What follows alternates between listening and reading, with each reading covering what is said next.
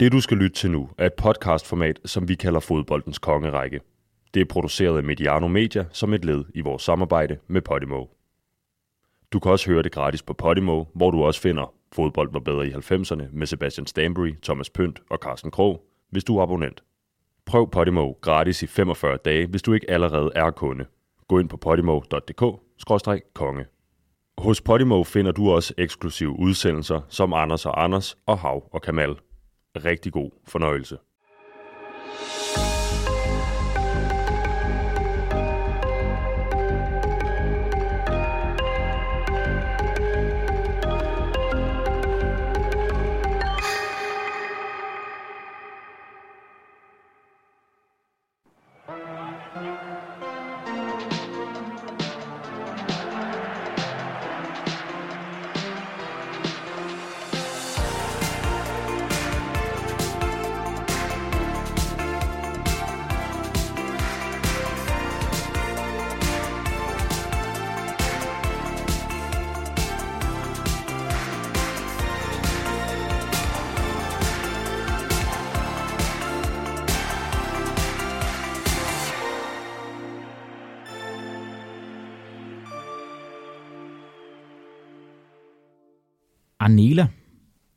Paul Nedved en af de største sagpersonligheder de seneste 25 år.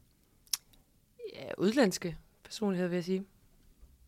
Hvad med øh, generelt?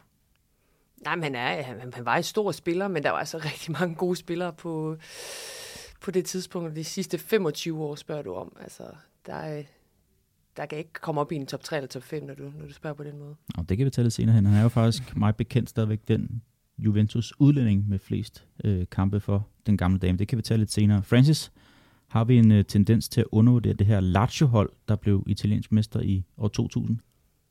Ikke hvis man har spillet fodboldmanager, så, øh, så gør man ikke. Det, det var et af de hold, man gerne ville være. Altså, det var jo et, øh, et fremragende hold med, med lutter profiler, altså store stjerner i den periode. Øhm, og hvis jeg lige må svare på, for Anelas spørgsmål, altså, jeg, jeg synes jo faktisk, han er det også fordi eftertiden. Altså, han har jo stadigvæk en, sin daglige gang i Juventus, og stadigvæk en, en gigantisk skikkelse øh, i italiensk fodbold, øh, har været med i op- og nedtur. Men anyway, det der Lazio-hold, det var, det var forrygende, øh, så det kan godt være, at det er en lille smule undervurderet, hvis man ikke har, har siddet foran en skærm.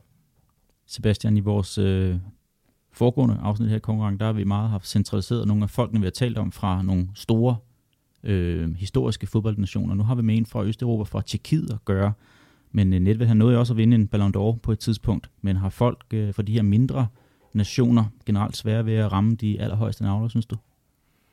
At de er i hvert fald handicappet af, at der skal mere til, øh, hvis vi snakker på landsholdsniveau og sådan noget. Og der var han jo, det var jo så en af åbenbaringerne for mig, da vi lavede forarbejdet til den her udsendelse, at jeg nok lidt havde glemt, hvor, hvor mange fremragende perioder der egentlig var med Tjekkiet, uden at de så ramt den allerhøjeste navle, som, som vi talte om. Men, men der er bestemt også noget at tale om med landsholdskarrieren for Pavel Nedved, øh, ud over en, en fremragende og langvarig klubkarriere. Og med det, velkommen til et nyt afsnit her i øh, fodboldens kongerække, fodbolden, eller Podimos fodboldpodcast om øh, nogle af de største legender i spillet. Vi udkommer jo øh, hver torsdag, og hver fredag så får vi altså svaret på, hvem vi skal tale om den efterfølgende uge.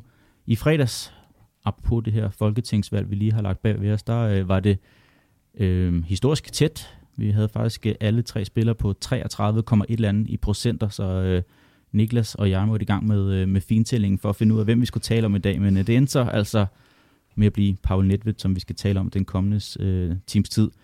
Hvad siger I til det? Egentlig fordi, at øh, jeg fortalte jo om i sidste uge, at øh, Thierry, da vi optog den øh, udsendelse der, at han var min helt store fodboldkærlighed, og stadigvæk er det den dag i dag. Der må jeg nok sige, at øh, Paul Nedved har ikke rørt mig på samme måde, men øh, hvordan har I det med Paul Nedved? Jamen, jeg har det godt med ham. Øh, jeg kan godt lide, at han, øh, han er lidt atypisk i forhold til, til de offensive spillere, vi kender den dag i dag. Og i virkeligheden måske også den type øh, offensive spillere, som man så øh, fik den største shine. Og så nævner du selv øh, Thierry, som er en individualist ud over det sædvanlige, så selvfølgelig også kunne give til holdet. Øh, og der er Pavel Nedved i sin position jo lidt mere en arbejder, altså en, en arbejdsmand, øh, som havde jeg plejer at sige, at han var 70% i alt, øh, og måske 100% i, i det, der hedder øh, determination, altså hans vilje, øh, hans måde at, at angribe spillet meget professionelt, øh, og måske ikke en, en fuldstændig entydig spidskompetence, altså dygtig til det meste, altså en all-round-spiller. Øh, og det var måske ikke på den position, hvor vi snakker Kakar, Rui Costa, nogle af de her spillere, som, som spillede både i mellemrummet, men også kunne spille på siden, som havde lidt mere flair og lidt mere sådan øh, seværdig, øh, måske, måske sådan gunst, vil jeg sige. Men lige prøv at blive ved dig, fordi øh, du har jo været i nogle omklædningsrum rundt omkring i din karriere. Han fremhæver selv det her med hans øh, flid og hans øh, arbejdsihærdighed øh, som en af hans største forser, da han var aktiv. Kan du komme på et eksempel med en, du har oplevet, hvor du tænkte, at han er ikke den mest fodboldbegavede spiller i det her omklædningsrum, men han er alligevel en af dem, der er først på holdkortet? Åh, så skal jeg jo gå igennem... Øh jeg har jo været tusind steder. så det vil jeg sikkert Det kan både være en fordel og en ulempe ja, nogle gange. Øh, men så, sådan nogle spillere har du altid brug for. Nu kan jeg ikke lige nævne en ved navn, øh, men sådan nogle spillere har du altid brug for i, i et omklædningsrum. Også i forhold til at, at skabe den her træningskultur. Og Juventus bygger jo på en masse trofæer. Øh, Lazio ikke i mindre grad havde en, en, en god overgang, mens han var der, men, men Juventus i særdeleshed, som jeg, jeg ligesom øh, forbinder Pavel Nedved med, der handler det altså om at have en god træningskultur og holde hinanden ansvarlig. Og der er der jo kun én måde at gøre det på, det er simpelthen at, at fjerne sin, sin stjernenykker. Fordi det er en stjernespiller, øh, men, men en arbejdsmand er en, der giver til holdet og skaber de her ringe i vandet ved at virkelig at, at gå forrest på den måde. Så, så det er jo rart, når, når, når stjernespillerne også kan gøre det, den der del af det, øh, og ikke bare vente på, at øh, man bliver serviceret. Det er måske meget godt lige at få med, at altså, nogle gange tæller du og jeg også om NBA. Han er jo ikke en mand, der kun kommer ind og sætter screeninger på Nedved. Altså, ja. han var en dygtig spiller, selvom han var meget arbejdsom og, øh, og havde en god arbejdsflid. Men øh, skal I to også lige komme to i forhold til jeres personlige forhold til Paul Nedved? Jeg var meget begejstret for ham som, som spiller, og, og stjernespiller, men arbejdsmand kunne godt være titlen på den her episode, fordi jeg synes, det indkapsler ham. Øh, og den der spidskompetence, vi måske ikke helt kan finde, jamen det tror jeg, så vil jeg pege på, at det var, at han arbejdede 90 minutter, og hvor ofte var synlig 90 minutter. Det var, når modstanderen havde bolden, så kunne du se Pavel Nedved, og når øh, hans eget hold havde bolden, så kunne du også se Pavel Nedved, fordi han hele tiden, han var en af de der spillere, som hele tiden blev synlig der, hvor spillet var. Øh, det kunne jeg rigtig godt lide. Jeg kunne rigtig godt lide at se ham spille. Jeg kunne godt lide det der gennembrud, han havde. Øh, hans nogle gange overgivet taklinger, hans, hans mange vigtige og flotte mål. Han var jo også en spiller, der, der virkelig kunne lave mål, øh, og også på vigtige tidspunkter. Så jeg var altid begejstret for ham, netop fordi, at han for mig var bevis på, at man kunne være stjernespiller, uden at være uden at nødvendigvis at have tital på ryggen, og, øh, og, øh, og, og skulle have bolden på specifikke spe, spe, øh, positioner på banen for at gøre sig gældende. Det, det kunne jeg rigtig godt lide. Og så havde han håret jo til at være stjernespiller. det kommer vi nok tilbage til øh, senere. Øh, altså, jeg, jeg kom til at tænke på, mens, vi lige, øh, mens jeg lige hørte på de, på de to andre kloge hoveder, at, at det, må være, det må være en fed øh, spiller at have i truppen, altså både som medspiller, men også som træner. Øh, fordi det, jeg, jeg, altså, det er sådan en type, der aldrig spiller en dårlig kamp. Altså, du ved, uanset om han du ved, ikke lykkes med sine afleveringer og, og, og afslutninger, og det der sådan selve spillet, så ved du godt, at han altid kan levere 100 procent øh, i forhold til, til, til vindermentalitet, i forhold til intense, de intense dueller osv. Øh, og det kan jeg i hvert fald huske, da jeg så ham spille, fordi jeg holdt med nogle andre hold i forhold til dem, han, han spillede for. Jeg synes, han var irriterende, fordi han altid var, han var der bare altid i, i kampene, selvom han måske ikke shinede og var man of the match, øh, så var han der bare altid. Og, og det tror jeg også kendetegner ham rigtig meget, at det, det er ikke mange dårlige kampe, han har spillet, Øhm, og, og det er bare en, en kvalitet i sig selv, især i, i Serie A på det tidspunkt, da han kommer derned, som var verdens bedste liga på det tidspunkt. Var han egentlig ikke også bare midtbane? Spiller nogle gange vil man gerne sige, at han er 6'er, 8 eller noget, men han kunne både spille den her venstre kant i en øh, firmands midtbane. Han kunne spille 10'eren, og nogle gange også som den her dybdeliggende playmaker, som Pirlo måske lidt senere tog patent på, men midtbanespiller synes jeg bare er meget passende for Paul Nedved. Ja, og så man så sige, hvis man skal nævne en position, hvor han havde sin største succes, så var det jo positionen lige bag to angriber, øh, særligt. Men du har jo ret, og det er jo det, der... Nogle gange kan det jo være en ulempe, hvis man er så fleksibel, at man kan spille forskellige positioner. Hvis ikke man er så god som Pavel Nedved. Øh, fordi så kan du nogle gange blive brugt øh, også i en reserverolle. Altså når du er så god, som han var, så er det en velsignelse, fordi så kan du alt afhængig af, hvilken kamp du skal spille i taktisk oplæg, øh, benytte ham på forskellige positioner, fordi du netop får, som Anela siger, den her arbejdsgiver, selvom afleveringen ikke sidder, eller selvom afslutninger, som jeg, vil, som jeg også vil kalde en, en spidskompetence, som Sebastian var lidt inde på. Nogle af de mål, han laver, altså hans spark var jo knaldhårdt og meget, meget præcist. Med begge ben. mm. med begge ben. Og det er jo en spidskompetence, det, det, det, det, det, det må vi sige, udover at han, er, han kunne løbe solen sort. Men det at være så fleksibel, det hjælper et, et, et, et, et hold på alle mulige niveauer. Og særligt Juventus, øh, synes jeg, fordi at på et tidspunkt, så, så kommer der det der metaltræthed. Det, det kan der i hvert fald komme. Men når du har sådan en arbejdsmand som ham, så bliver du bare ved at være i den der gæng. Og det er jo også derfor, de bliver ved med at vinde, eller de i hvert fald komme, kom øh, øhm, på alle slæber. Og, og Juventus er den klub, som de er i dag. Nu, nu taler jeg lidt om i indledningen, han også sidder på direktionsgangen. Og det, det, man siger, det, det pres, han lægger på sine spillere nu øh, som vicedirektør, det er jo, at fordi han selv har stået der og ved, hvad Juventus indebærer, at man skal arbejde først, og så, så må individualisten komme bagefter jeg sad i weekenden og kiggede nogle af de her mål igennem, og på de her langskud her. Og der havde vi lige haft en, en formiddag, hvor vi havde i svømmehallen, og så pigerne skulle lige øh, lægge med øh, hver deres telefon og lige slappe lidt af efterfølgende. Så lå jeg inde i sengen med min computer og så øh, Paul Nettens bedste mål. Og så kom jeg til at sige, øj, ah, derinde fra sådan noget. Og så kom de ind og sagde, du har altså sagt til os, at vi skal være stille nu. så der var det så meget, der, der brød det der familiekodex derhjemme, hvor der lige var lidt øh, af, afstressningstid der. Men øh, det er dybt fascinerende, synes jeg, når man kan tage bolden, som du siger, Sebastian, med begge ben, bare brage den ind fra 28-30 meter. Altså, er der sindssygt nogle kanonkugler, mm. han har lavet i, uh, i Kajnes løb. Men det var jo også bevidst, altså da han var lille, at han, at han lærte sig det her. Altså, øh, da, han var jo allerede en træningsnarkoman som mm. 6-7-årig, øh, og, og der, der, der, der ville han jo gerne sparke med begge ben. Øh, og det, der er der jo også andre eksempler på, på andre fodboldspillere, der har gjort det fra, fra barns ben. Øh, så så det, det var jo en fantastisk ting, og, og det her med, at jeg så kunne spille i hver, en, i hver side, og komme ind i banen, og, og have det her fantastiske spark, men også komme ned til baglinjen, øh, og lave nogle gode indlæg. Altså, det, det var et mareridt for, for, for, for, for forsvarsspillerne, for du anede ikke, hvor du havde ham. Du vidste ikke, hvilken ben du skulle, du skulle lukke.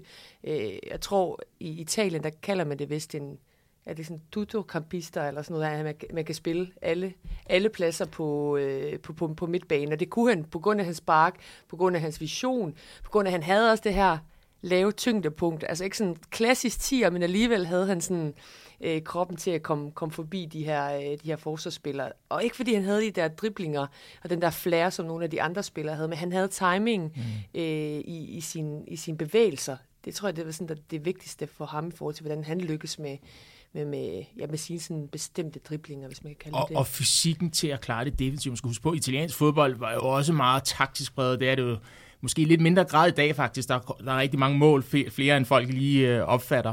Øh, selvfølgelig er der taktik, øh, men dengang, i, da Nedved var, var, en, var en stjerne, der skulle du også bibringe det taktiske i forhold til det defensive. Og der havde han netop også fysikken til netop også at kunne spille, øh, ja, stort set alle positioner, men også centralt i banen i forhold til, at øh, de tiger, som jeg sammenlignede ham lidt med, som jo også klarede sig, øh, Rui Costa blandt andet, som måske var meget mere en rendyrket tiger, der skulle spille frem i banen og have dem, som øh, Sebastian var inde på, i nogle specielle områder, så han ligesom kunne penetrere en defensiv. Og der er Netved jo en, som, som i virkeligheden var mere tovejsspiller end en rendyrket offensivspiller han er jo box-to-box midtbanespiller, ikke? fordi mm. han, han, kan jo, han kan jo forsvare, og så kan han skrue op for det med, at han kan lave mål, hvis der er brug for det, eller hvis det er det, den rolle, han får, ikke? fordi han har haft sæsoner, hvor han har lavet masser af mål, og så har han haft sæsoner, hvor han ikke har skudt særlig meget mål. Og det tror jeg primært var, var afhængig af, hvor der var brug for ham på banen, øh, og han, han udover, nu snakker vi om de gode spark, men han løb jo også dybt, det kunne han jo også, og sin kraft af sin, sit, uh, sit blik for spillet, og i sin kraft af, at, uh, at, sin løbestyrke, at han kunne, han kunne komme i feltet ham her, ikke? Og, og kunne komme ned bag forsvaret, når der var brug for det, samtidig med, at han, som du siger, Anela, kunne godt gå forbi en mand, hvis det var det, der var krævet af ham. Og så i hensyn til det med, hvad en træner synes om ham, så øh, husker jeg en gang for mange år siden, hvor Svend Jørgen Eriksson bliver øh, bedt om at sætte sit, sit drømmehold, og det er altså en mand, der har trænet nogle rigtig, rigtig store spillere. Så der, som jeg, hvis jeg ikke tager meget fejl, så bliver Pavel Net sat, sat på som højre bak, fordi, og så man siger, jeg var nødt til at have Pavel Nedved med. Og, og han kan løse og man, den situation. Og man kan jo forestille sig det, det ikke? Altså, godt gå. Ja, det ville han jo og venstre bak vel også. Også, også, også venstre bak. Det vil, det, vil, det vil sagtens kunne fungere. Du vil nok lidt, lidt øh, beslag på ham, lidt bånd på ham, men han skulle nok udfylde den der rolle til, til 7 ud af 10 som minimum. Så fik vi lige kaldt ham midtbanespiller, men nu er han åbenbart også noget som både højre ja, og venstre bak. Ja, ja. ja. Og, øh, og Nila, du nævnte det her med de her forskellige øh, roller, man opererer med i italiensk fodbold. Der er godt nok mange af dem, apropos du, du nævnte fodboldmanager. Kan I huske den der gang, hvor det kom frem med, at man kunne begynde at kalde dem roller, om øh, midtbanespilleren skulle være box to box eller Trikakista eller Register, eller hvad pokker det også var sådan noget. Det var, jeg skal hjem og spille fodbold. Skal vi øh, køre en blå bog igennem på Paul Nedved lige og få opridset, øh, hvornår han er fra, og øh, hvad han nåede at vinde i løbet af sin karriere. Han er fra august 1972 og blev således 50 år tidligere på året. Han er fra byen Chep i det gamle Tjekoslovakiet. Han startede øh, i den lille klub Skoda Pilsen, og kom så senere til en af de store Prag-klubber Sparta i 1992. Her spillede han frem til 96, hvor han ligesom en øh, masse andre tjekker skiftede til udlandet efter Tjekkiets finaleplads ved EM-slutrunden i øh, 96 altså. Der blev Lazio hans første stop i Italien. Her spillede han fem år frem til 2001, hvor han så blev udpeget som øh, aftageren for Zinedine Zidane i Juventus. Der var han ni år frem, indtil han sagde stop, og øh, nåede altså både at blive mester med Sparta, Lazio og Juventus. Og øh, på landsholdet blev det til 91 landskampe og 18 mål. Han nåede at vinde prisen som øh, Tjekkiets bedste fodboldspiller fire gange, blev kåret som series bedste spiller i 2003. Og det var måske nok året for Paul Nedved, det her 2003 år, hvor han altså også øh, strøg afsted med titlen som øh, Europas bedste fodboldspiller vandt Ballon d'Or i den øh, sæson der. Hvad skal vi gribe fat i her, synes I? Jeg kan godt lide der, hvor han kom fra. Jeg kan godt lide historien om de der spillere, som ikke kommer på et fra et øh, glidret akademi i en af de aller, aller største ligaer. Pavel Nedveds debutkamp, det var for Dukla Prag, som han var lejet ud til, øh, og der var 601, øh, 601 tilskuere på øh, Dukla Prags hjemmebane Julitska og de slog Vitkovic med 3-1. Jeg har næsten lyst til at spørge, om du var en af dem. Ja, det var jeg ikke, desværre. Jeg har været sådan 4-5 år gammel ja, på det du tidspunkt, har så det var jeg ikke. At, rejse rundt. Men, men jeg kan godt lide det der med, at her, her har vi bare en kæmpe stor europæisk stjernekarriere, som starter foran 601 tilskuere. Mm. Og så gik det ellers bare opad derfra, og han slutter med selv at være en af, øh, slut en af de her glitrede klubber i Juventus, øh, hvor han gør så stort et indtryk, at selvom han er udlænding, jamen, så, er han, så er han der altså den dag i dag øh, som, som leder i, i klubbens afdeling. Så det, det er en smuk historie om en spiller, der har kan vi godt gå ud fra i det gamle Tjekoslovakiet, før murens fald, har trådt sin øh, barnesko på nogle slitte stadioner, i nogle slitte omklædningsrum, på nogle dårlige baner, og så gået bare ikke har været til at holde nede, og så gået hele vejen til fodboldens top. Det var ikke alle, der troede, at han ville nå fodboldens top. Jeg ved ikke, om det var det, jeg faktisk også ville sige, men, men det er sidder og nikker, men, men uh, vi kan allerede måske tage fat i det og tease lidt for det, det der temperament, han, uh, han også har, og som han også viste senere, som han også som også kostede ham nogle ret store ting i, i karrieren, men, men i Tjekkiet, der fik han jo de her, hvad var det, tre røde kort i, i seks kampe øh, i starten af hans karriere. Der var jo nogen, som, øh, som, som allerede øh, på det tidspunkt sagde, at jamen, det, det, det går jo ikke, altså han kan jo ikke blive en topspiller. Jeg tror, det var, var det Carlo Dobias. Dobias. Ja, han hedder... Øh, EM-vinder for 76. 76 ja. ja. Der skrev en klumme og sagde, at det her, det, det bliver ikke til noget stort. Han har ingen fremtid i fodbolden. Nej. Det er hårde ord. Ja, det er også en vild start. Det, men det er for Sparta Prag ikke, hvor han får tre røde kort i sin første 6-7 kampe. Ja. Sådan noget. Det er helt uforståeligt. Altså, men han fik også røde kort senere, og fik også gule kort. Øh, men, men her var han måske også lige lidt ekstra ung og, og naiv, og, og lidt, lidt ekstra temperamentsfuld. Øh, så så det, det, det er jo også en del af historien af, af Pavel Nedved i, i starten af karrieren. Men jeg synes, det er, det, det, det er netop en super fed pointe. Øh, også fordi han har brugt det som motivation. Han har jo takket ham øh, for netop at sige de ord. Øh, og det, jo, det fortæller jo også historien. For mig fortæller det historien om en underdog. Altså ikke hans fodboldspil ikke var til, til de meritter, men det der med, at folk har tvivlet på en, og man måske ikke havde de åbenlyse talenter, som bare kunne blive spottet fra, fra månen, så at sige. Men det primært var det arbejdsmæssige. Og så bare være så god i alle andre aspekter, så du hele tiden var, øh, kunne, kunne gøre dig til på det her topniveau. Men hvis jeg må nævne én ting, som, som slog ud for mig, det, det er helt simpelt, og der er måske ikke, det kræver måske ikke en, en længere uddybning, men det er, at han er, bliver hentet ind og skal erstatte Zidane i, i Juventus. Mm. Det for mig, det fortæller alt om øh, den her herre, vi taler om nu. Øh, Udover alle de ting, han har vundet, og været en del af et, et tjekkisk landshold, som også har andre gode spillere, Patrick Berger omkring 96, Carlo Boboski, som begge to røg til England efterfølgende, og han ryger så til italiensk fodbold. Men det der med at, altså til Lazio, men det der med at skulle erstatte Zidane, som jo var en helt anden type, øh, og en helt anden... Øh, Ja, han blev jo solgt som den dyreste i verden i øvrigt. Øh, det, det fortæller altså om en kapacitet, som, som de hentede ind, og en de troede på kunne gøre det på sin egen måde. Og, og at han lykkedes med det. Ja. Altså Juventus blev ikke dårligere af, Nej. at Zinedine Zidane blev skiftet ud med Pavel Nedved, hvilket siger noget om mandens klasse. Det så vi jo i Champions League øh, da de møder dem i et dobbeltopgør, hvor øh, Pavel Nedved er, altså det er det nærmeste direkte opgør, hvor han går ind og, og faktisk cementerer, at han skal have den her Ballon d'Or. Det er nok. Det er, det er faktisk en vild god historie, at Zidane bliver Galacticoen i uh, Real Madrid, mens at de så henter, hvad kaldte du ham? Vand, stjernen, der var vandbær, eller hvad pokker ja, det, var, det var Francis ord, som jeg bare tyvstjal. altså, altså, stjernespiller, men arbejdsmand. Ja, og så ender med at være der i ni år, og øh, være en af de mest øh, gennemsyrede kræfter i øh, Juventus hen over det årti, det, det er ret fascinerende. Jeg kunne godt tænke mig at snakke lidt mere om det her spark. Også fordi, at øh, jeg tænker, det er noget af det sværeste i fodboldspillet, at brage den ind derudfra, og så gør det så ofte, som han gjorde det, og som du siger, Anila, det var altid med en gennemtænkt plan, når han så sparkede derfra. Det var ikke sådan for, at, at, at man skulle hjem og stå i to øh, firebakkæder efterfølgende igen og sådan noget, men man pokker øh, præciserer man og perfektionerer man øh, det spark der. Træning, træning, træning, træning. Altså, altså, nu kommer vi tilbage til det der med arbejdsnarkomanen. Altså, øh, jeg tror også, han, han selv sagde, når, når, når nogle af de andre øh, gik ud og fik nogle øl, når vi havde fri nogle dage, så var jeg på træningsbanen. Altså, det, det, det, jeg tror bare, det fortæller historien om, om Pavel Nettet. Altså, vi kommer nok også til at snakke om en, en vis Cristiano Ronaldo i vores øh, lille serie her.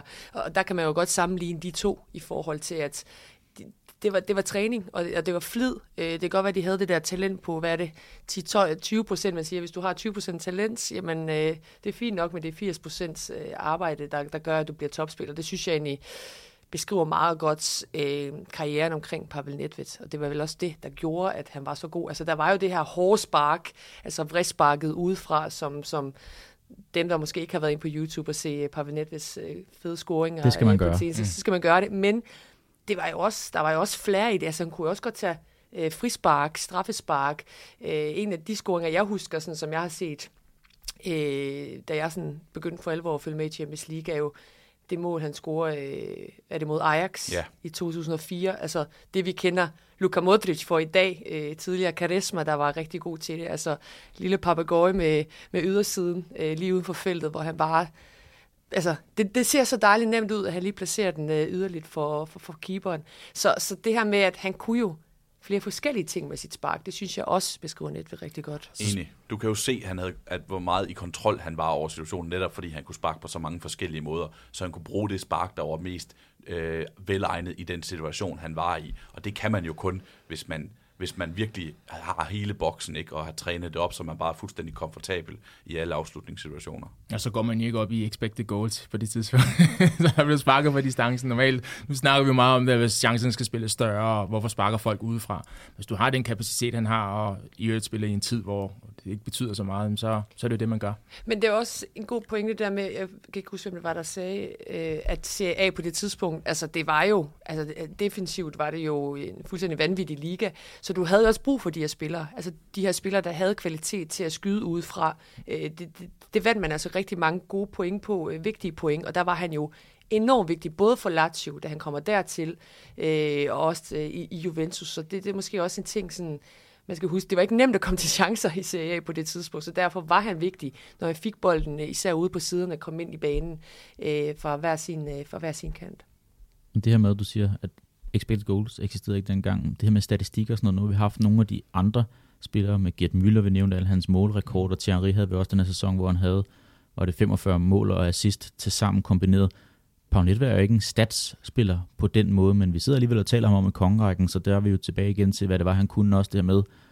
Jeg tænker, alle ville have haft Paul Nedved som holdkammerat i sin tid. Ja, absolut, og det er jo det, der er det fede ved fodbold. Jeg elsker jo de der historier, som ikke øh, springer op i statistikkerne. Jeg er også en, som gerne vil tale fodbold udenom statistikkerne. Øh, så så det, det er jo sådan en spiller, som hvis jeg må lave en, en sammenligning, som ikke er en til en på nogen måde, så det må folk ikke hænge mig op på, men hvis du ser det danske landshold og ser, hvordan Pierre Emil Højbjerg øh, driver sit hold, øh, er ligesom er urværket på holdet, er hjertet på holdet, hjertebanken, der, der er Pavel Nedved på et helt andet niveau i øvrigt også, men, men, men var jo den type, som, som, som gør så meget for sit hold, offensivt og defensivt, og sørger for, at der er en attitude, der er en standard, og særligt forstår, at man spiller for Juventus, det, det kræver altså noget. Det er derfor, jeg, jeg elskede den sammenligning, som øh, uh, Anela kom med i forhold til Cristiano, Cristiano Ronaldo. Fordi der var også rigtig mange snakke, da Cristiano var forbi Juventus i forhold til uh, Pavel Nedved, som i 100% i den grad stå på mål for, at de hentede ham og brugt mange penge på ham, og det er den type, de havde brug for. Også selvom han ikke altid scorede mål og de her ting, at de havde brug for sådan en type, som, som kunne vise vejen i dagligdagen, også for de unge spillere, øh, særligt fordi Juventus lider økonomisk øh, i forhold til, hvad de har gjort. Det der med at have en, som kan, der kan drive det fremad og sørge for, at der er den her standard. Øhm, der tror jeg, at, øh, at de har kunne se hinanden i øjnene og sige, at vi, vi, lader, vi skårede det samme klud. Nu snakker vi om det her Lazio-mesterskab i øh, 2000. En af deres øh, få titler, de har haft, og de var egentlig også bagud. Stor del af sæsonen ender så med at tage mesterskabet på sidste dagen foran øh, Juventus. Du nævner det her med den stærke defensiv. Jeg faldt bare lige over Juventus' tal. Altså, de bliver nummer to med en målscore på 46-20 efter, øh, efter, efter 34 kampe, ikke? som top, top, top hold, der har ført øh, gennem stor, stor del af sæsonen. Og så kommer Lazio godt nok med 64 mål og øh, 33 indkasserede øh, scoringer.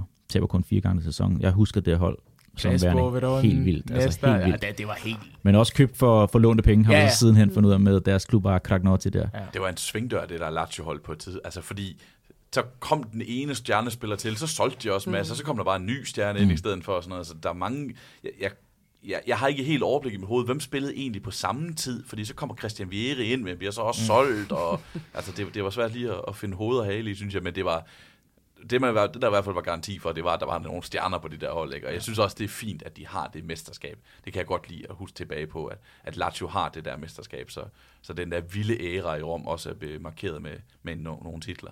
Ja, de vandt jo to år streg, øh, de to Rom-klubber der mm. i, i 0-0 og 0-1, men altså, det har, været, det har været kriminelt, hvis de ikke havde vundet med det hold her. Der var både med øh, Salas, Mancini, Mihailovic, Nesta, Diego Simeone på midtbanen sammen med Paul Littevidt og Dejan Stankovic, og så øh, Simone Inzaghi som øh, super sub for bænken af med, med Verona, som du nævner. Det har været, det har været kriminelt, hvis, øh, hvis Svend Jørgen, han ikke kunne føre det til mesterskab. Jeg kunne godt tænke mig at springe lidt i, øh, i tiden og tale om øh, Juventus-tiden som jo var hans storhedstid, som vi har været inde på også selvfølgelig skulle fylde de her sko ud efter øh, Zinedine Zidane. Men der er også den her sæson øh, nogle år senere, hvor at, øh, de bliver tvangsnedrykket, og han er en af dem, der bliver i CB og tager dem med op øh, hurtigt igen. Men hvad fortæller det om Paul Nedved? Han er en af dem sammen med Buffon, øh, Del Piero, Trezeguet også, der, der vælger at blive, fordi jeg tænker, der har været rift om, om de her. Jamen, det, der var jo noget i det i forhold til noget familiært, som, hvor de var rigtig godt på plads, øh, har han selv fortalt. Øh, men hvis vi bare holder det til det fodboldmæssige, så er det jo klart, at, at det fortæller jo noget om den, den øh, karakter, han havde. Øh, det fortæller noget om, om den position, han havde på holdet, og det fortæller også noget om, hvis vi spoler frem til 2022, hvorfor han er der den dag i dag. Altså, der er jo en, en, en, en fælles kærlighed, så at sige. Øh, og det var der jo også allerede dengang. Øh, jeg, jeg, jeg synes jo især i sådan en fodboldverden, som er så omskiftelig og er så meget øh, personfixeret, i hvert fald i dag, måske lidt mindre grad dengang, men i, i særdeleshed i dag, hvor spillerne er blevet større end, øh, end, øh, end klubberne mere eller mindre. Så er det jo rart at kunne, at kunne se sådan nogle historier, og så er det også, at det lykkes at komme tilbage og komme i Champions League og alle de her ting. Altså det, det er jo ikke bare en historie om, at det var en, der var, der var ikke bare troværdig, men som, som havde noget kaldet til en klub. Altså det lykkedes. De, de var ikke bare for store til at spille øh, i, i de lavere rækker. Altså, de forstod godt alvoren, og de forstod også godt, hvad for en klub de repræsenterede.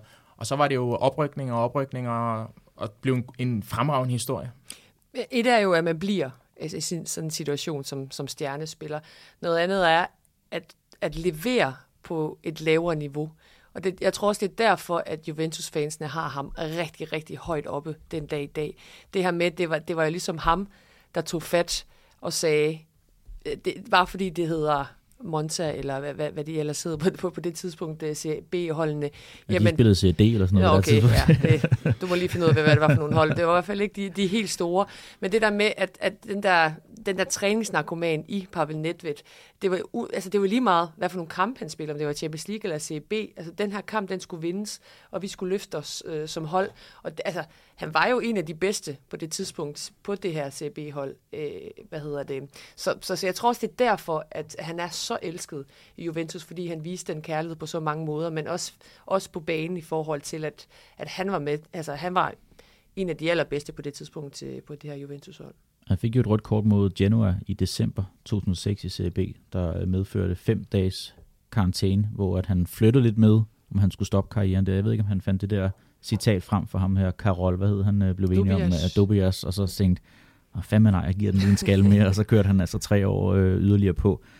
Skal vi hoppe lidt videre i teksten og tale om, øh, højde- og lavpunkter i øh, karrieren hos Paul Nedved. Vi har været inde på nogle af højdepunkterne, men har i et.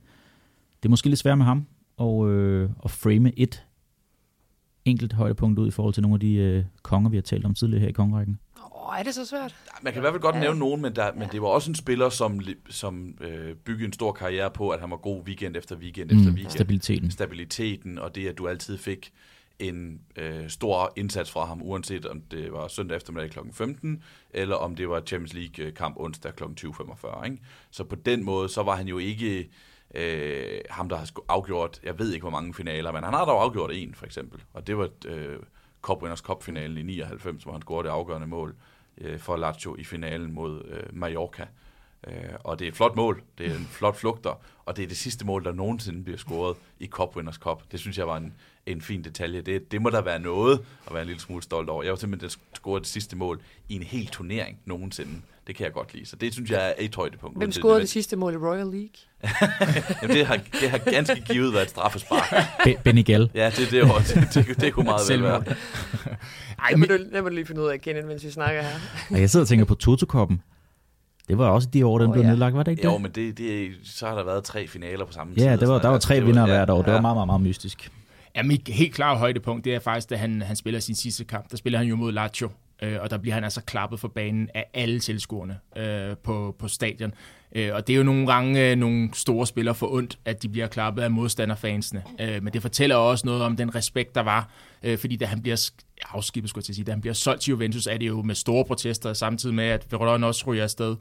Der, der, der er de ikke tilfreds med, med at øh, han ryger til Juventus da han så spiller sin sidste kamp mod netop Lazio, øh, der bliver han altså, der får en standing ovation, og det, altså, det har jeg aldrig prøvet, og kommer aldrig til at prøve det, men jeg forestiller mig, at det må, give, det må alligevel give øh, myrekryb. Altså, det må være det vildeste at stå der. Øh, vi husker jo alle sammen øh, Ronaldinho på Bernabeu, og vi husker Ronaldo på Old Trafford, og, og de der store spillere, som er blevet klappet ud af modstanderfansene, men når du rykker og skifter klub efter så meget palaver, og så alligevel er der den her oprigtige kærlighed til sidst, øh, det fortæller noget om, øh, om den her spiller.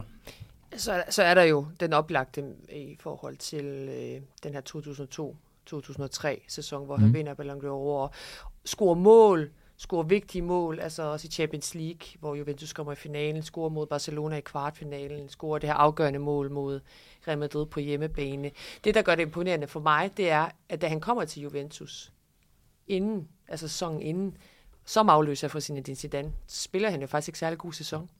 Altså det er måske en af de øh, lavpunkter, der er i karrieren. Altså han ikke rigtig opnår øh, det niveau, som, som alle håber på, og øh, folk begynder at snakke om sådan, ah, er han så god? Altså øh, nu, hvor, nu, nu hvor han endelig kommer til det helt store hold i, øh, i Serie A, kan han overhovedet, øh, kan han overhovedet gøre det? Øh, og så sæson efter, så vinder han Ballon d'Or, og, og er, er Europas øh, bedste, i hvert fald på papiret. Det synes jeg igen viser noget omkring den øh, vindermentalitet, som han har. Altså han kunne godt have givet op og sagt, okay, det, det er ikke mig, og ja, de betaler godt nok rigtig mange penge for mig, men det virker ikke for mig, den her taktik øh, under, under, var det Lippi, der var, der var træner på det tidspunkt. Øh, det, altså, der er måske mange, der havde givet op på det tidspunkt, men i stedet for, øh, der, der valgte han jo bare at træne endnu mere den sommer der op til 02-03 sæsonen, og så sæsonen efter, så, så blev han øh, Europas bedste. Det synes jeg også igen siger noget om ham. Nu talte vi rigtig meget om Ballon d'Or, da vi talte om Thierry Henry for, mm. i, i seneste afsnit. Og vi talte om, skulle Henry, var han, skulle han måske have haft den i 2003, hvor han også var så god. Men der må vi også bare kigge på, at Pavel Nedved, jeg skal lige kigge på, på, han får 190 point, øh, og Henry på anden plads med 128, så der er langt op. Ja, hvor mange var det, der havde stemt på ham som nummer et? Det var helt vildt, har- også tjekkede tallene. Han har 27 førstepladser i Ja. den kåring, øh, det, vil- og der er 25 p- fem førstepladser til resten af de nominerede til sammen. Mm. Og det er altså en spiller, som ikke vandt Champions League den sæson, mm. som ikke engang spillede finalen, som ikke har en landsholdstitel og lægge den der, ti- øh, den der kåring opad. Så han har simpelthen bare vundet den på at være den bedste spiller uge efter uge, og særligt om onsdagen i- i Champions League. Øh, Men altså uden at man siger, om han vandt Champions League, ergo skulle han have øh, Ballon d'Or. Faktisk har det været, han vandt ikke Champions League, han skal have Ballon d'Or alligevel, ham her. Mm. Så god var han på det her tidspunkt. Så ja, øh, 0203 og, og året 2003 er helt klart et, et højdepunkt. Men det er jo det, der er sjovt, fordi hvis du, når, man, når vi sidder og nærstuderer ham og, og laver researchen på ham, så er der jo rigtig mange, sådan, som er i de lidt mere lukkede fodboldkreds, der på ingen måde mener, at det var et tyveri. Altså, at han vinder. At det var... Ja, og jeg, jeg kigger på dig. Jamen, det er jo rigtigt. Det er jo rigtigt. Øh, og det er jo også lige det, der er blevet skitseret her øh, af Sebastian. Altså, du kan jo se pointene, hvor mange førstepladser, så du sidder og er sådan, nej, det var kæmpe teori. Og der har været valgfusk i de her UEFA eller FIFA-ting før. ja, det, det er rigtigt. Men, men vi taler altså om en, en, en rigtig, rigtig stor spiller, og det hænger jo, det hænger jo sammen med, at der ikke var den samme flair. Der var måske ikke den samme sådan altså feel good, øh, når man havde set ham spille fodbold. Altså det var business as usual, når han spillede de der store kampe, når han spillede kampe generelt, bare det der bundniveau, som hele tiden var til stede øh, på, et, på et relativt fint niveau. Det er jo det, der gør, at man øh, nogle gange kommer langt. Jeg kan godt lide historien om underdoggen, der, der vandt. Vi har heller ikke snakket så meget om landsholdet. Nej. Nu, øh, der er vel også en del højdepunkter, altså hvis man skal, skal tage den der mm. fra, fra 96, altså det her tjekkiske hold, som, som overraskede alt og alle. Det var også underdoggen jo. Også ja. en fed Det historie. var det nemlig, og det var jo øh, det var mod, øh, var det Frankrig? De, de, han spiller den der øh, vanvittige, vanvittige kamp, hvor, hvor at, øh, at alle ligesom får øjnene op for, for Pavel, Pavel Ja. Nedved. Øh, og det er vel også den kamp, han bliver solgt, solgt på. Altså, der, der var den her historie med, at det var egentlig PSV, han havde lavet en aftale med, men så kom, så kom Lazio lige ind. Og, Og de snakker og også om, at i han scorede imod Italien i gruppespillet, og det var også der, de også fik øjnene op for om de italienske ja, klubber hans også. første øh, internationale mål, ikke? det er jo også meget godt timet, men der er selvfølgelig 96, hvor han, hvor han viser sig frem Mm. først. Og så synes jeg også 2004 EM, hvor der er så kæmpe hype omkring ham, men han lever op til det. Det er altså ikke mange store spillere, der, der kan gøre det. Det der med, at der, det er nærmest overhypet, sådan, mm. ah, ham der, han, han skal blive en af de bedste til den her turnering, han skal føre sit hold øh, langt, men det gør Nedved. Øh, selvom han også misser en kamp, tror jeg, på grund af et, på grund af et gult kort på et tidspunkt. Øh, der, der, der Også i synes jeg 96 også. Også i 96. Igen, Det, det, det, er kommer jo vi nok tilbage ting til. for ham, at uh, han Ja. i de store øh, turneringer misser han altid en kamp, hister her, grund af Men, karantæne. men jeg synes i hvert fald, de er så værd at nævne begge. Altså der, hvor han bryder igennem, og hvor han også lever op til sit hype. Og så var der en, en emotionel, øh, måske ikke sådan sportslig, men emotionel højdepunkt, da han kommer med til VM 2006, efter han faktisk er stoppet på landsholdet, øh, bliver overtalt til at komme tilbage. Og Tjekkiet, som jo har haft de her gode EM-præstationer, har ikke været med til VM, og specielt den der øh, kollapsede VM øh, i playoffen mod Belgien i 2001, hvor han øh, får rødt kort, selvom han er anfører, og de ikke kommer med til VM 2002. Det gjorde rigtig ondt, og han snakker om, at hans fodboldverden kollapsede på det tidspunkt. Øh, det, at han så fik lov til, efter han faktisk var stoppet på landshold, at komme med og være med til at kvalificere sig land til VM 2006 og deltage ved den der slutrunde, det var, øh, det var også stort, på trods af, at, at Tjekkiets bedste landsholdsår lige var forbi på det her tidspunkt. Jeg kan huske sådan i nogenlunde samme årrække med, jeg tænker, at der tæller også meget om, at Portugal ikke fik nok ud af deres øh, landsholdskuld i de år. Tjekkiet er måske lige en klinge eller to lavere, men, men, men fik de nok ud af det de år med Paul Nedved og Berger og Smits og alt det her? Nej. Altså, Kunne de godt have fået mere ud af det? eller, ja, det kunne de. gør, Altså, de, de, de, jeg- når jeg siger det på den måde, så er det fordi, de var stabilt rigtig gode, men de var tæt på at vinde titler, og de gjorde det ikke. Mm. Så det, det var også lige det held og de der småt, øh, små marginaler, der manglede. Det var ikke fordi, at det var en, øh, en gylden generation, som forspildte alle de der evner, de havde, og slet ikke fik kunne tage sig sammen. Det var mere fordi, det var så, de var så gode, øh, mod mange odds, jo, mod alle odds måske, at de var så gode, øh, og var så tæt på nogle rigtig, rigtig store ting, men lige manglede det der med at stå og løfte på trofæet, hvilket de både kunne have gjort i 96 og i 2004. Chancen var måske i fire, hvor de taber til grækerne i, Ja, lige i semifinalen, Det er vel hvor den, der- gør udgår med en skade, og man Ja. har Peter Cech, Milan Bartos, ja, vi kan selv huske, at vi tabte til dem i kvartfinalen. Bartos. Var Øh, også kvartfinalen. Ja. Bartos var on fire. Helt vildt. Marek Heinz var jeg helt vild med med den Ja, ja. og har så ald- næsten aldrig hørt om ham siden. lavpunkterne, fordi nu nævner vi nogle af finalerne, men vi nævner også det der med, at han undervejs op til undervejs i slutrunderne havde det med at skulle rive en karantænedag eller to til sig. Den her 2003-finale, Sebastian, ved at øh, du og Carsten Krog og Thomas Pynt også har i talesat som øh, den kedeligste Champions League-finale over i jeres øh, univers over øh, på Podimo også med fodbold og bedre 90'erne. Kunne den have været spejset lidt op, hvis Netved ikke havde hævet sig en karantæne i semifinalen og var ukomdygtig i finalen så? Ja, utvivlsomt, fordi han var måske verdens bedste fodboldspiller på det tidspunkt, så det kunne den helt sikkert. Og der er jo også, han har vundet så mange store ting individuelt og som med, med sin hold, men der er også lige et snært af tragedie over hans karriere, synes jeg, i hvert fald på visse punkter. For eksempel den her 2003-finale, som han ikke fik lov at, øh, at spille. Og, og det, han var u, han, der var mange hvor han var lige på nippet til at vinde noget stort, men ikke gjorde det, og lige på nippet til at, øh, var, og ofte fordi også var han ikke selv med i de der, da det, da det, aller, da det blev afgjort, enten på grund af skader eller på grund af de der karantæner. Og jeg fandt et citat, som jeg har oversat fra tjekkisk, så jeg ved ikke, hvor, hvor stabilt det er, men jeg synes bare, det var så fint, og han, hvor han siger om Champions League-finalen 2003, jeg mistede den største kamp i min karriere, og vi tabte. Og det var jo det, det var. Altså, det var, at han, han, går, han får karantæne, fordi han får det der gule kort i, i semifinalen mod Real Madrid, og, øh, og så oven i købet, så taber hans holdkammerater uden ham efter en kedelig finale, der skulle afgøres på straffespark. Ikke? Til Milan. Til, til Milan, ja. øh, så det var, det var der nogle punkter af, også det med den øh, øh, EM-semifinal året efter, hvor han må udgå, som du siger, med, med en skade undervejs, og så taber de på et silver goal og sådan noget. Det, så der, der var også nogle lige ved næsten ting til at, at komplementere de der mange ting, han vandt. Og hvis vi så lige skal tage det med det der, den der advarsel, det er jo en svinsk takling, han laver på McManaman, der, der, der giver ham den der karantæne, ikke? Og han var jo, jeg synes, eller nu sagde jeg svinsk, jeg synes jo faktisk ikke, at han er svinsk som spiller, men han var hensynsløs. Ja. Og han...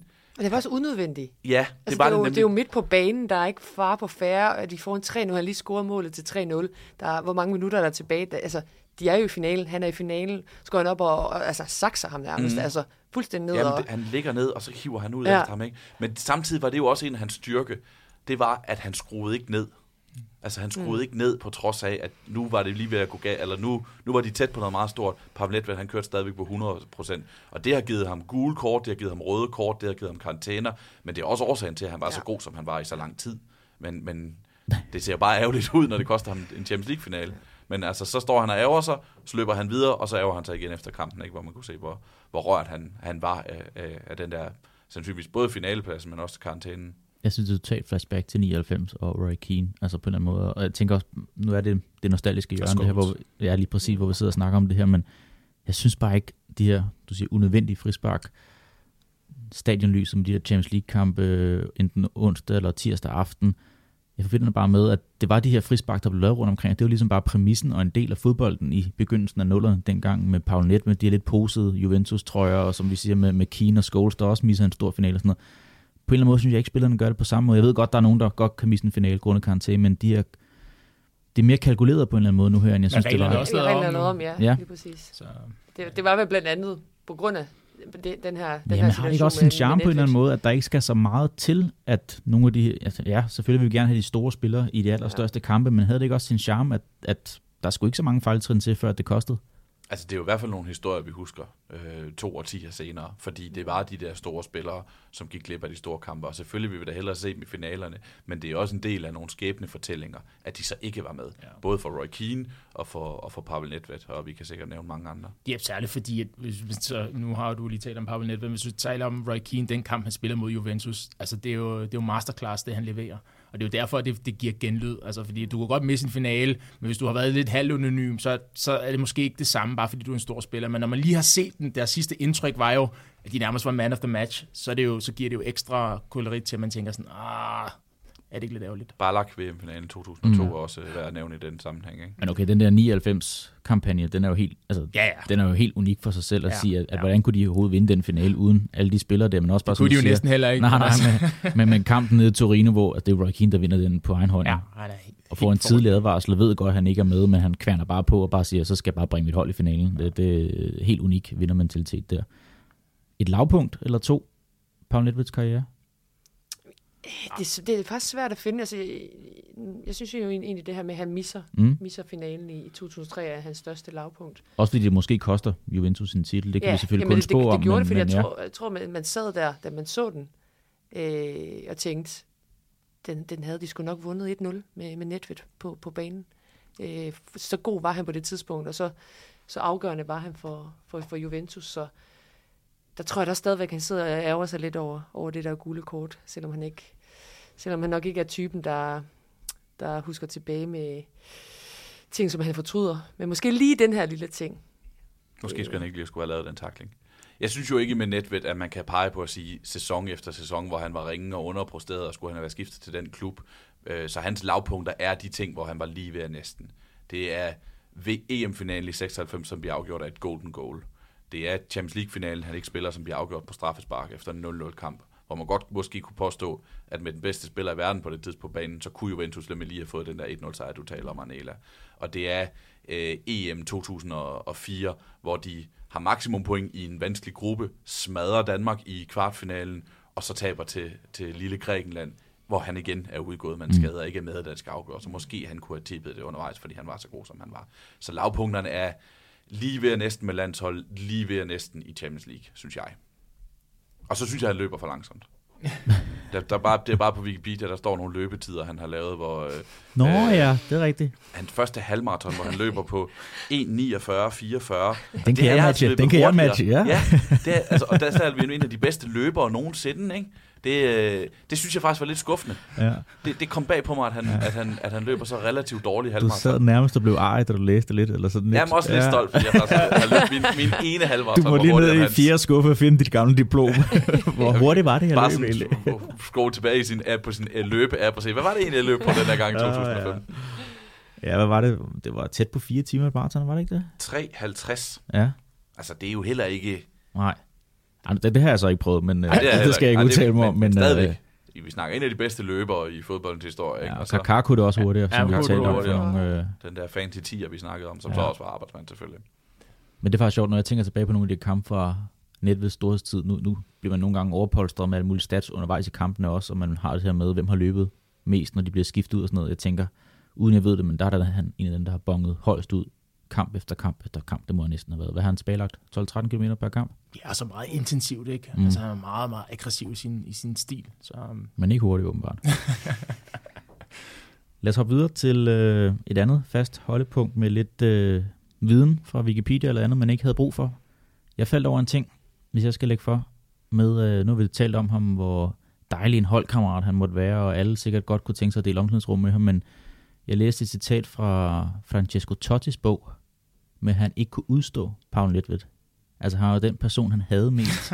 Nå, men han var jo heller holdkammerat. Nej, nej, nej, nej, men... Altså, nej, men jeg men, tror, man, man, man, synes, han var pissiterende på banen. Jamen, kan I ikke altså, godt sætte jer lidt ind i? Fordi jeg, jeg kom, da jeg læste det citat, tænkte jeg, ja, yeah, det, yeah. den tror jeg faktisk godt, jeg vil købe, at han godt kunne være, som vi siger, noget af det her unød... Nej, nej, nej, nej, det skal ikke blive alt for personligt.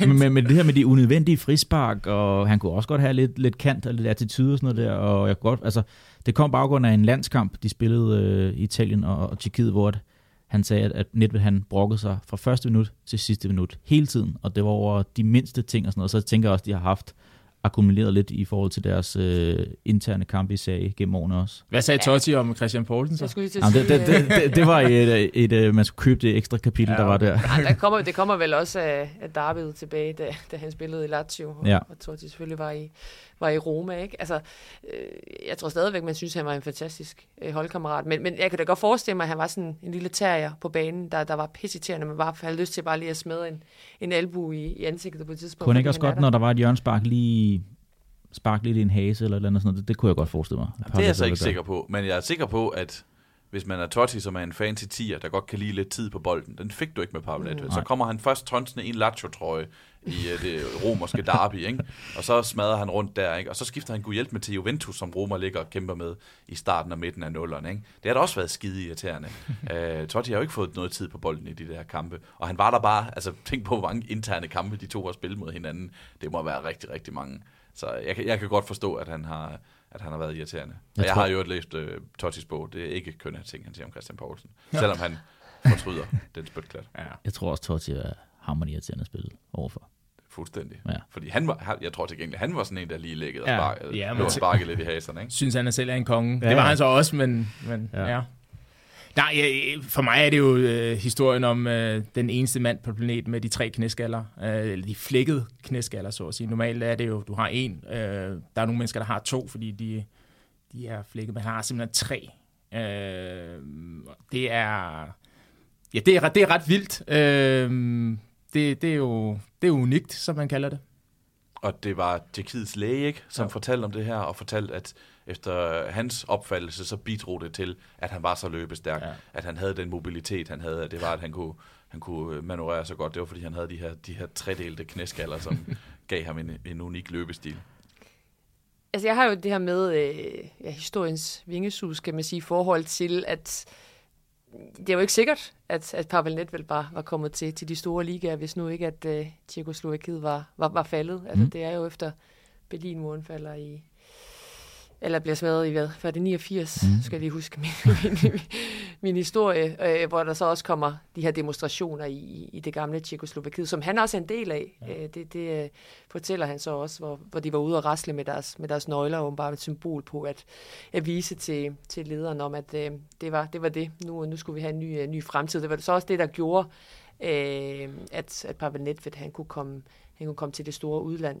Noget, som, som mange af de andre øh, store tjekoslovakiske spillere ikke kunne, ikke kunne gøre tidligere i, i deres karriere. Så det var sådan en lille, lille ting, som jeg også synes var, var interessant. Han også var en del af de her, de her demonstrationer, som han også selv sagde. Altså, det var det, der gjorde, øh, at, at jeg kunne komme ud og få en, en, en, stor, en stor karriere. Øh, og så sådan en lille kuriøs ting. Han har jo to børn. En, øh, en pige og en dreng. Og de er jo så opkaldt efter ham selv, altså drengen Pavel, og øh, moren hedder så Ivan, og det hedder datteren så også. Så. Og så har han fået en ny kæreste efter øh, mange års... Øh, nu, vi snakker jo lidt om det før, men i hvert fald med Jan. Han er jo meget Ja, ja, ja. ja. med det der personlige, og folk er jomfru Men han har fået en ny kæreste, som er et år ældre end hans ældste datter. Øh, så han, øh, han gik lidt yngre. Øh, Ja, altså jeg skal sige, Jan er jo ikke med i dag, fordi han er ude i lufthavnen ja. I uh, pilotkostyme. han venter på at Sting lander, som han fortalte om i sidste uge. Ej, jeg, jeg så også sidst nyt, nu er vi inde på Paul Levels privatliv, men han er åbenbart blevet set med, var det syv kvinder? Jeg tror, Øh, tre. Jeg har set videoen. Nå. Ja, Ja, okay. Jamen, italienske medier har med at puste op, så jeg, jeg har Ja. læst det som syv, men okay. Øh, at, at, jeg ved ikke, hvor seriøst det er med den ene kæreste. Nå, han, nej, det- han er åbenbart stadig ved at beslutte sig Jeg tror, for... han var, nu, nu, nu, hvis vi fortsætter i, øh, i Jans øh, slaget verden her, øh, der var han vist single på det tidspunkt af den her video, den, Okay. øh, den kommer Nå, ud. okay, fair Men man nok. gjorde lidt grin med, at han kunne skyde med, med begge ben så godt, og her har han så fat i, i, øh, i brysterne på en af de her kvinder med begge hænder. Sådan, om han kan nok også med begge hænder. Okay. Øh, så så der, der bliver gjort, øh, der bliver gjort lidt, lidt sjov med den her video. Pavelet må, må leve sit privatliv, som han, som han vil, men det kom faktisk bag på mig, det her med, at han, den her loyale fodboldspiller, der går med øh, Juventus ned i Serie B, går fra konen gennem mange år, og så finder en, øh, en yngre model, øh, som er ældre end hans datter, og som, øh, som øh, at, at det, det er det, han bliver, for, øh, at han bliver trukket af, den her for, foretrækker. Men øh, han må gøre, som han har lyst til. Jamen, det snakker vi også om med Kaká. også. At Kaká, altså, han var åbenbart jomfruelig op i, i 30'erne, som Jan sagde, eller hvad det var, men han fik så Ja. også udskiftet øh, barndomskæresten her i, i de senere år. Det er jo åbenbart en, en ting, når de, de keder sig fodboldspillere, når de ikke har noget at tage til, men Nedved har en del at tage til som, som at vicepræsident i, forestille mig. i Juventus. Lad os prøve at hoppe en tur i tidsmaskinen og snakke om øh, Paul Nedved i en nuværende kontekst. Inden vi gør det, altså den der historie med, at han tager tilbage til Tjekkiet og spiller den der ene kamp i FK Skalna, det er da også bare en lille besynderlig historie i forhold til, at han gerne vil spille en enkelt kamp med, øh, med sin søn. Du Ja. ja. nikker, Ja, men er Det ikke... gjorde, ja, det ja. gjorde han øh, flere år efter, han er stoppet. Ja. Var det sådan noget, vi snakker 2012 eller sådan 17. noget? Øh, 17 er Ja. det så sent, ja. det var måske det, han mødte øh, en, der var jævnere med datteren. Fra sidelinjen. Hun er jo et, øh, Hun kigger efter sønnen, men så... Hun rider på heste, hende, øh, den, den nye der. Ja, Jeg fandt en helt blå bog på, på hende, men den kan, vi, den, kan vi gå, den kan vi godt gemme, fordi det er mere interessant er det totalt heller ikke. Men ja, det siger noget om, at der var også en fodboldglæde i ham, ikke? At det der med, at han godt var så glad for at spille, og han har ganske givet spillet 79 gode minutter, og jeg, jeg ved det ikke. Ja, men, øh, og det var jo bare 13 hans kilometer. føde, fødeby og en lille klub, der spiller den 20. bedste række. Hans drøm var altid lige at spille en kamp med, med hans søn. Øh, det, fik han så, det fik han så lov til, men øh, ingen af dem scorede, de tabte 4-1. Så Men det er faktisk en fantastisk historie. Altså, vi ser jo mange af de der, hvis LeBron James går over, så venter på, at han kan spille med sin søn, Ken Griffith Jr. Øh, og senior spiller baseball. Der er ikke særlig mange af de der helt store, der, der er nået at, at spille med deres sønner, så hvis du kan komme til det, så, så kan det godt være, at man trækker sig ud af pension, og så lige gør det en enkelt gang. Det, jeg, synes, det er en, det, jeg synes, det er en super fed historie. Der er vi måske tilbage til det der med, at han ikke vandt nogle af de finaler, for man ser altid efter finalerne, hvordan deres børn kommer ind på banen og, og triller bolden ind i mål. Og sådan. Det har han ikke fået den oplevelse, så han skulle have den hjemme i, i hjemlandet nogle år senere. Tidsmaskinen. Findes der en uh, Paul Nedved i fodbolden anno 2022? Jeg synes jo, der findes mange. Øh, Jeg har faktisk ikke et konkret, men jeg synes jo, han passer rigtig godt til... til øhm, han passer rigtig godt til spillestilen, der, der, der er mange steder i dag, i forhold til, hvad det er, du skal kunne. Øh, så når jeg siger, der findes mange, så er det jo ikke fordi, jeg siger, der er folk, der på det niveau kan, kan vinde Ballon d'Or på den måde, de spiller. Men det der med at være en, en tier, eller en offensiv spiller, indbærer bare alt det, han kunne dengang, øh, den dag i dag. Altså, du kan ikke bare være en, øh, en, der bare ligger i mellemrummet og ikke leverer til holdet og ikke øh, er en del af det. Så, så bliver du taget ud. Debatten omkring Cristiano Ronaldo, jeg ved godt, det er en anden debat. Men de der store spillere, der er ingen af dem, der bliver, der bliver øh, beskærmet længere. Nu skal du simpelthen arbejde, øh, og du skal kunne det offensive også. Så på den måde var han jo på, på, på sin vis forud for sin tid. Øh, at han så var unik, og 80 procent, som jeg kalder det, i stort set alle aspekter af spillet. Øh, det gør jo, at det, det er svært for mig at finde en, som jeg synes er, er lige præcis som, som han var, men, men at typen i den grad er nødvendig den dag i dag. Ja. Er der andre, der har fundet frem til et navn? Jeg synes også, ligesom Francis, det var lidt svært måske. Ja, det synes jeg også, fordi jeg synes ikke, der nødvendigvis er box-til-box midtbanespillere af den klasse, som, som der er dengang. Anela, du, det kan godt være, det er noget værd vrøvl, det jeg siger her, men du, du vores Bayern kender. Et, hoved, et navn, der poppede ind i hovedet på mig, var Leon Goretzka. Kan du følge det? Altså, jeg kunne, det, det var det der med ligesom at komme ind i feltet og score mål og, og være løbestærk og have noget fysisk mm. styrke og sådan noget. Er det, er det helt på moden? Jeg ved godt, det ikke er en til en samme spiller, men... men... Nej, men kunne man godt merge ham lidt med den Hazard? Altså sådan lidt det der, den der rå duelstyrke og løben ind i feltet, men også lidt det der flære, Altså selvfølgelig ikke de samme driblinger som Hazard, men, men det der med, at han kunne spille i begge sider og kunne komme ind i banen. Han sparkede godt med, med begge fødder. Han kunne også godt spille i midten. Øh, havde også, øh, jeg ved godt, han ikke var lige så god defensivt som, som Netvet, men jeg tror, du bliver nødt til at tage to spillere. Øh, en, som er lidt mere offensiv, lidt mere, har lidt mere flair, så en, eller Goretzka-typen, og så tage de to sammen. Det, det kunne jeg godt se for mig. Ja, jeg havde en, men han er også stoppet. Det er derfor, jeg ikke nævner en konkret. Jeg havde en, som er stoppet, og det var faktisk Wesley Snyder, som også havde det der arbejde, som havde sparket for distancen, havde, havde øh, kunne spille stort set alle positioner. Og det halvsvinske iser også. Og det halvsvinske iser, øh, og noget også niveauet, kan man mm. sige. Øh, men, men også måske lidt samme statur på en eller anden måde. Øh, men, men alligevel er han, det, det dur jo ikke her, fordi han er, han er også en, der er på pension. Altså, Dårligere hår. Og dårligere hår. Ja. Det har vi jo slet ikke snakket ja. nok om. Ja. Ja. Altså, Nej. det, er jo, det... det passer bare godt sammen med, når han drøner ind for 30 meter, at man så kan se det der øh, flagrende hår, der lige falder på plads igen. Helt enig. Der er sådan en prins Valiant på, altså sådan et eller andet, øh, ikke, måske ikke helt en prins Valiant frisyr, men, men stadigvæk det der flagrende gyldne hår. Han ligner, Flot han ligner en prins. Ja. ja, det gør han. Altså, men det, det kom jo først i Juventus-tiden. Ikke? Ja, altså, i Lazio havde han sådan lidt det der... Øh, Nick, eller sådan, uh, Nick Carter Backstreet Boys hår. Altså det der med, med en lille måge foran. Ja, der var sådan en skoledreng, der ja. er lidt over ham. Det ser Rest in peace, Aaron. Ja, det gør det faktisk. Ja, jeg skulle lige sige, Rest in peace, Aaron kom en kedelig nyhed. Det var trist. Ja. Øhm, men jeg sidder og tænker på, den midtbanespiller, var, det passer meget godt med nogle af dem, vi har haft op til budrunde sin, øh, tidligere i udsendelsen med, med Steven Gerrard, med Paul Scholes, med Frank Lampard, Paul Nedved, altså de her spillere, der kunne lidt af det hele, øh, lave mål, taklingerne, dominere kampene på bolden også og sådan noget. Det, det der passer meget godt ind, men det er måske lidt svært at finde øh, et enkelt navn nu her. Jeg tænker på, at vi lige hurtigt skal vende hans øh, tid i Juventus nu her som vicepræsident, fordi nogle gange, når jeg sidder og ser Juves kampe, der bliver altid panoreret op på tribunen inden for de første fem minutter, hvor han sidder derop. Jeg synes bare, det passer godt, at han sidder derop. Ja. Og jeg synes ikke, at han er galionsfigur på samme måde, som der var snak om med Paolo Maldini. Det har han så modbevist i forhold til, at han er uhyre dygtig til det job, han har. Javier Zanetti også i Inter, man måske havde en tendens til at tage nogle af de her absolutte klubkoryfærer, og så gøre dem til en eller anden stilling i klubberne og sådan noget, men jeg er overbevist om, at han tjener Juventus et bedre formål. Jamen, han har jo været, han har jo været skræddersyet til den rolle, og enormt succesfuld. Altså, det er, det er svært at lave den der transition, når man har været topspiller, og så også være øh, en lige så god CEO, så at sige. Altså en lige så god øh, leder på direktionsgangen og sørge for, at, at det klubben øh, gerne vil afspejle også ligesom driver ned til, til spillertruppen. Det er klart, de har svære tider lige i øjeblikket, både på grund af økonomien, men også fordi, at de andre hold ligesom har indhentet dem i forhold til at forny sig. Der mangler Juventus noget, øh, og det er jo også en del, som han skal, han skal råde båd på, så at sige. Men altså, alle de mesterskaber i træk, øh, hvor han har siddet deroppe og skummet fløden, det, det, det handler jo om, at han har haft den know-how. Han kender italiensk fodbold, han kender Juventus, han ved, hvad der skal til, øh, og sørge for, at tingene... Øh, er gået i den rigtige retning i rigtig, altså nærmest i det årti. Øh, så, så på den måde synes jeg, at det har klædt ham at, at være der. Og så bliver det også sjovt nu at se, om han er manden, der kan være med til at føre Juve tilbage på toppen igen. De er inde i en uh, lidt turbulent tid i øjeblikket. Og det er jo ikke, fordi han har mistet den der vindermentalitet og, Eller hår. og være, og heller ikke hårdt.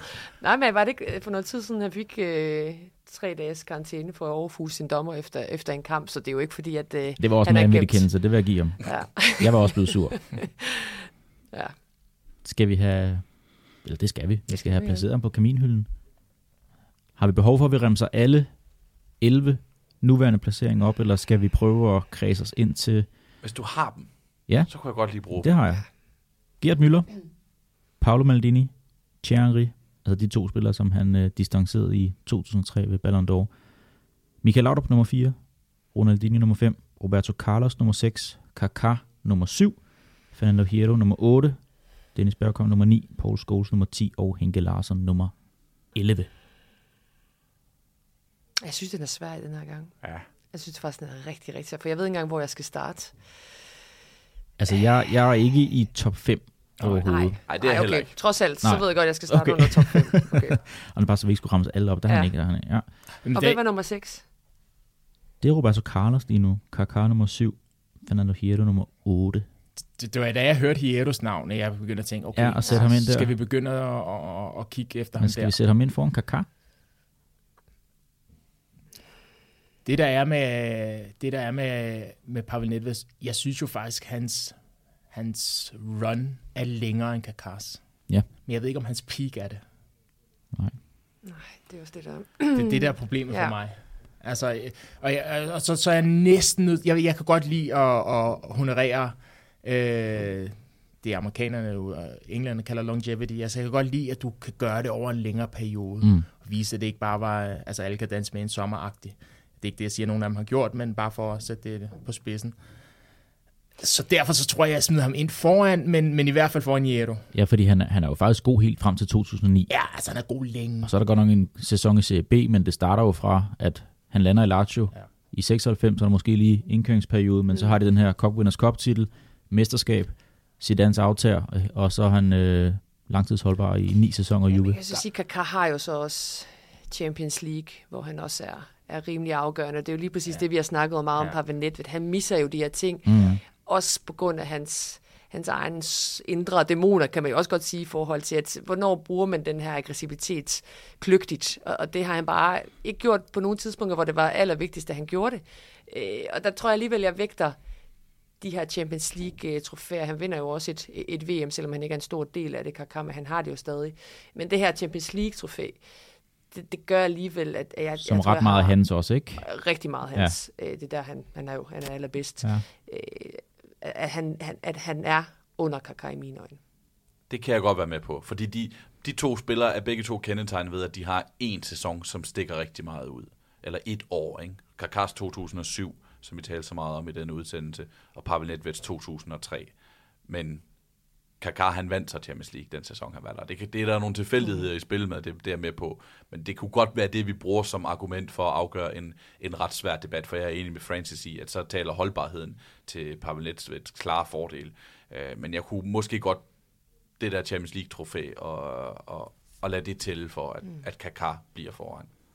Ja, så det er, jeg køber det også, det er også det, jeg siger, at hans peak, og det er jo så, får du lov at løfte pokal med de store ører, eller gør du ikke? Det er jo så det, vi- der bliver tiebreakeren. Øh, Det kan jeg godt leve med. Så smider vi mænd bag ved Kaká foran Fernando Hierro som nummer 8 bliver det så. Godt.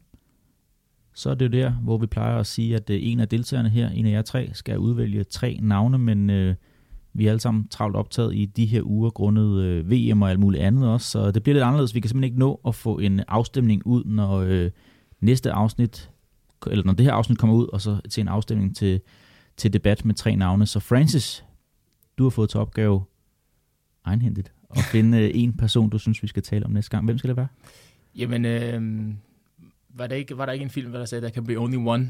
Uh, jeg kan ikke huske, hvad for en film det var. Der er i hvert fald lavet en film om ham. Highlander. det- Der er i hvert fald lavet en film om ham, du skal... Ja, øh, og det er der. Og der, der kunne ikke være andre end uh, Zinedine Zidane for mig. Mm. Uh, det er... Det er ikke den første øh, fodboldspiller, som jeg forelskede mig i, men det er den, som, hvor at forelskelsen var ægte, ægte. Stille og roligt til Zinedine Zidane. Ja, No pressure. ja, ja.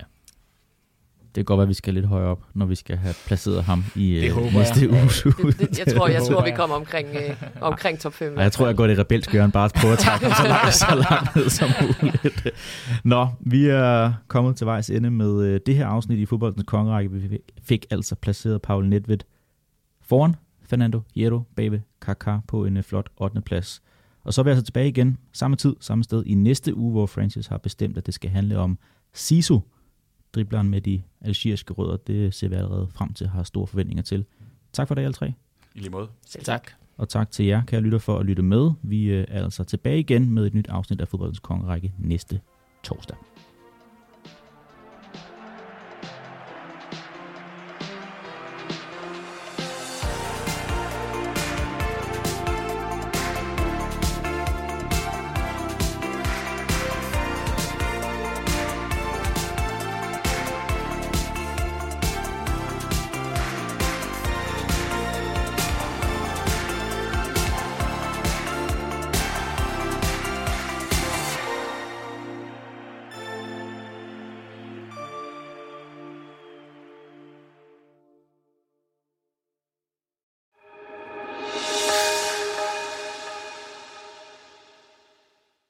Du har lyttet til Fodboldens Kongerække. Det er produceret af Mediano Media som et led i vores samarbejde med Podimo. Du kan også høre det gratis på Podimo, hvor du også kan finde Fodbold var bedre i 90'erne, hvis altså du er abonnent. Prøv Podimo gratis i 45 dage, hvis du ikke allerede er kunde. Gå ind på podimo.dk-konge. Hos Podimo finder du også eksklusive udsendelser som Her går det godt og livet ifølge Emil og Thomas. Tak fordi du har lyttet med.